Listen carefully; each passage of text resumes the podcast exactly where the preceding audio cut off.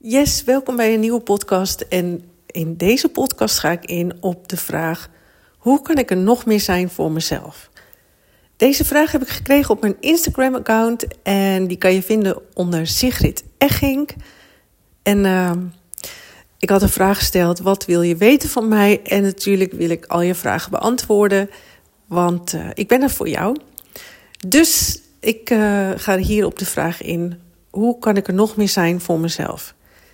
En dat is een hele gekke vraag eigenlijk. Want ik weet nog dat ik er echt totaal niet was voor mezelf. En nog steeds kan ik soms zien dat ik denk van... oh, ik zet toch het geluk van de ander voorop. Tegelijkertijd ben ik er nu helemaal voor mezelf. En op het moment dat ik er helemaal ben voor mezelf... is mijn leven gewoon super makkelijk. Zelfs als ik er dan voor de ander ben.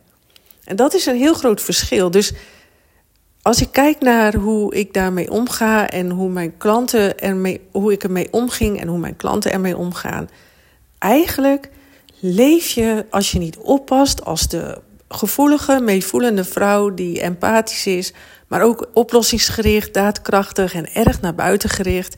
En heel erg bezig is om dingen op te lossen voor anderen en gelukkig te maken en te fixen en eigenlijk vooral alleen maar aan het geven is, die kijkt heel erg via de ander naar zichzelf. En die is eigenlijk via de ander bezig voor zichzelf, voor de ander. Dus je bent totaal niet bezig met wat wil jij? Wat is goed voor jou? Wat heb jij nodig? Welke energie heb jij eigenlijk? Hoe wil jij je voelen? Hoe voel jij je van nature eigenlijk? Nee, je bent zo gericht altijd op je partner, op je kinderen, op de mensen om je heen, je werkgever. Je geeft zoveel. En als het ware kijk je gewoon via de ander naar jezelf. En op het moment dat je dat doet, en ik had dat ook niet door, dat heb je niet eens door, dat is gewoon een mindkronkel, zeg maar. Dat, dat, dat maakt dat, dat, je, dat, we, dat heel veel mensen zich ook heel ongelukkig voelen. Want je doet alles voor de ander. En ten eerste het putje uit. Ten tweede, het zorgt ervoor dat jij je waarde bij de ander probeert te halen. Als je man maar uh, jou bevestigt, dan is je relatie goed. Of je bent heel erg bezig met het geluk van je kinderen en daar, daar geef je alles voor. Maar ondertussen ben je de hele tijd weg bij jezelf en je hebt het gevoel dat jij amper bestaat, dat je er niet mag zijn, dat je niet gezien wordt. Maar je wordt niet gezien door jezelf. Je, wordt niet, je mag er niet zijn van jezelf. Uh, jij, de enige die jou echt teleurstelt, ben jijzelf. Maar het voelt de hele tijd alsof de ander dat doet. Bijvoorbeeld, stel je zoekt de bevestiging van het goed doen en goed genoeg zijn bij de ander zal je altijd het gevoel hebben van twijfel. Want je weet niet wat de ander denkt. Je kan niet zien wat de ander denkt. Dus jouw bestaan is eigenlijk altijd wiebelig. Wat je wil is dat je er bent voor jezelf. En het gekke daarvan is, is dat de enige plek waar jij denkt er niet te kunnen zijn voor jezelf, is in je hoofd.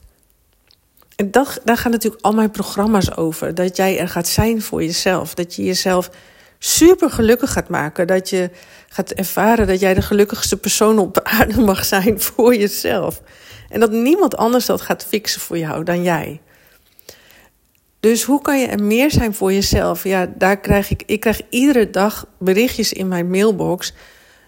Sigrid, ik voel me zoveel beter. Mijn partner vind ik nu zoveel leuker. Ik zie opeens dat ik wel een leuke man heb. Ik dacht altijd dat mijn relatie niet goed was, maar die blijkt wel goed te zijn. Dat komt allemaal omdat je er mee, bezig gaat dat jij de belangrijkste persoon bent. Ja, daar geef ik heel veel programma's over. Dus ja, wat zou ik nu kunnen zeggen als een paar tips om er wel te zijn voor jezelf?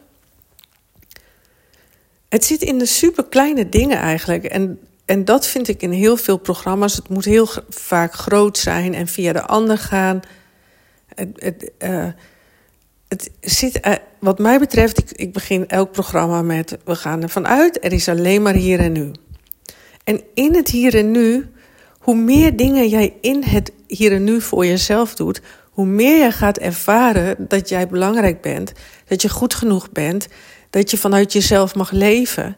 En dat je de hele tijd mag afvragen: oh, maar wat maakt mij blij? Uh, ben ik nog dicht genoeg bij mezelf? Leef ik wel voor mezelf? Het is super raar. Het is het meest rare bijna dat je voor een ander gaat leven. En tegelijkertijd, ik doe dat ook nog steeds. Hè. Als ik samen met mijn vriend ben, dan zie ik hem graag vrolijk. Maar voor wie doe ik dat? Als het aan hem ligt, vindt hij het prima om een dag te zagrijnen. Maar eigenlijk, en dat is nog ook de grap en de gedachtenkronkel... je doet alles al voor jezelf. Alleen, je doet het op de verkeerde manier.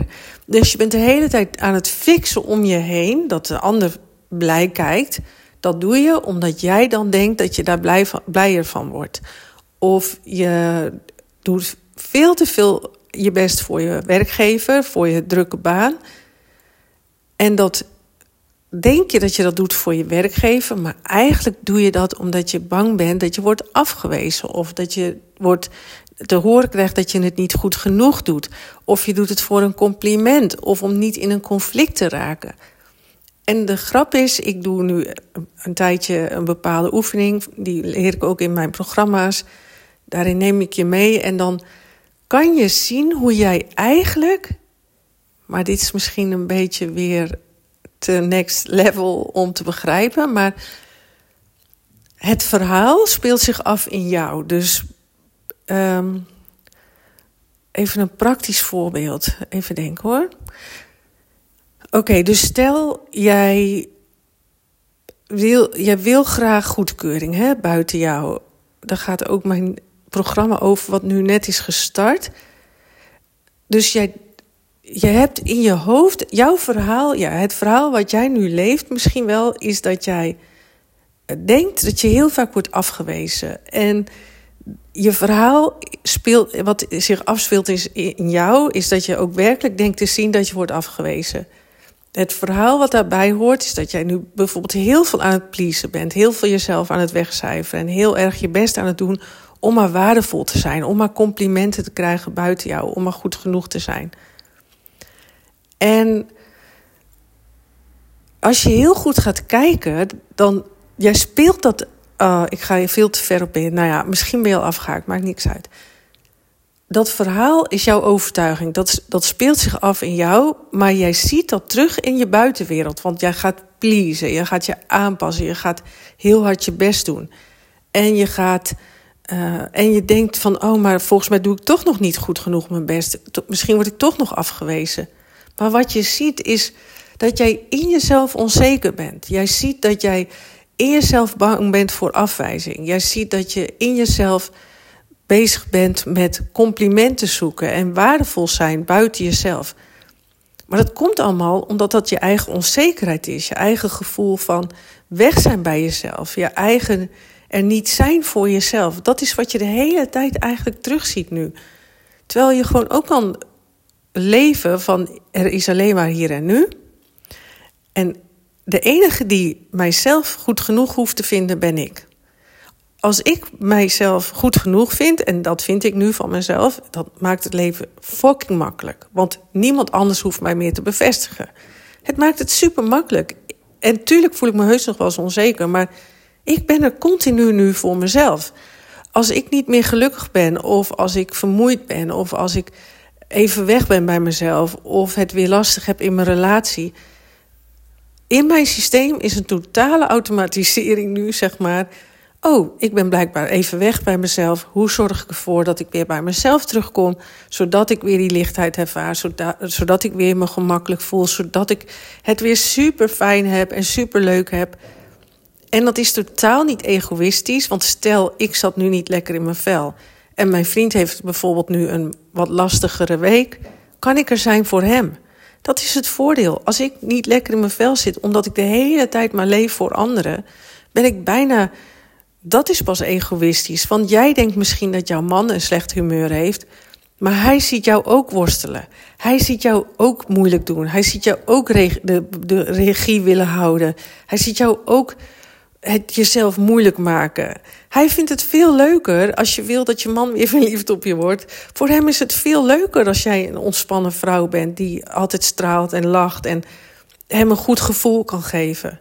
Maar wat doe je? Je denkt, je denkt dat je de hele tijd met je please gedrag, met je wegcijferen en er zijn voor anderen.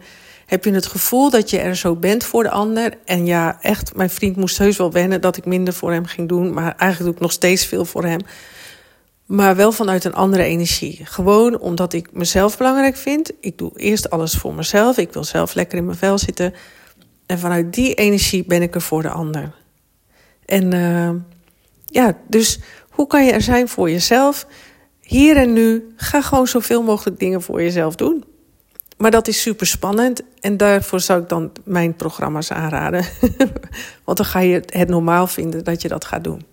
Oké, dit was het. Ik stop me mee. Ik hoop dat ik uh, je vraag heb beantwoord en, uh, en ook andere vrouwen met deze vraag uh, verder kan helpen. En tot de volgende keer. Ciao!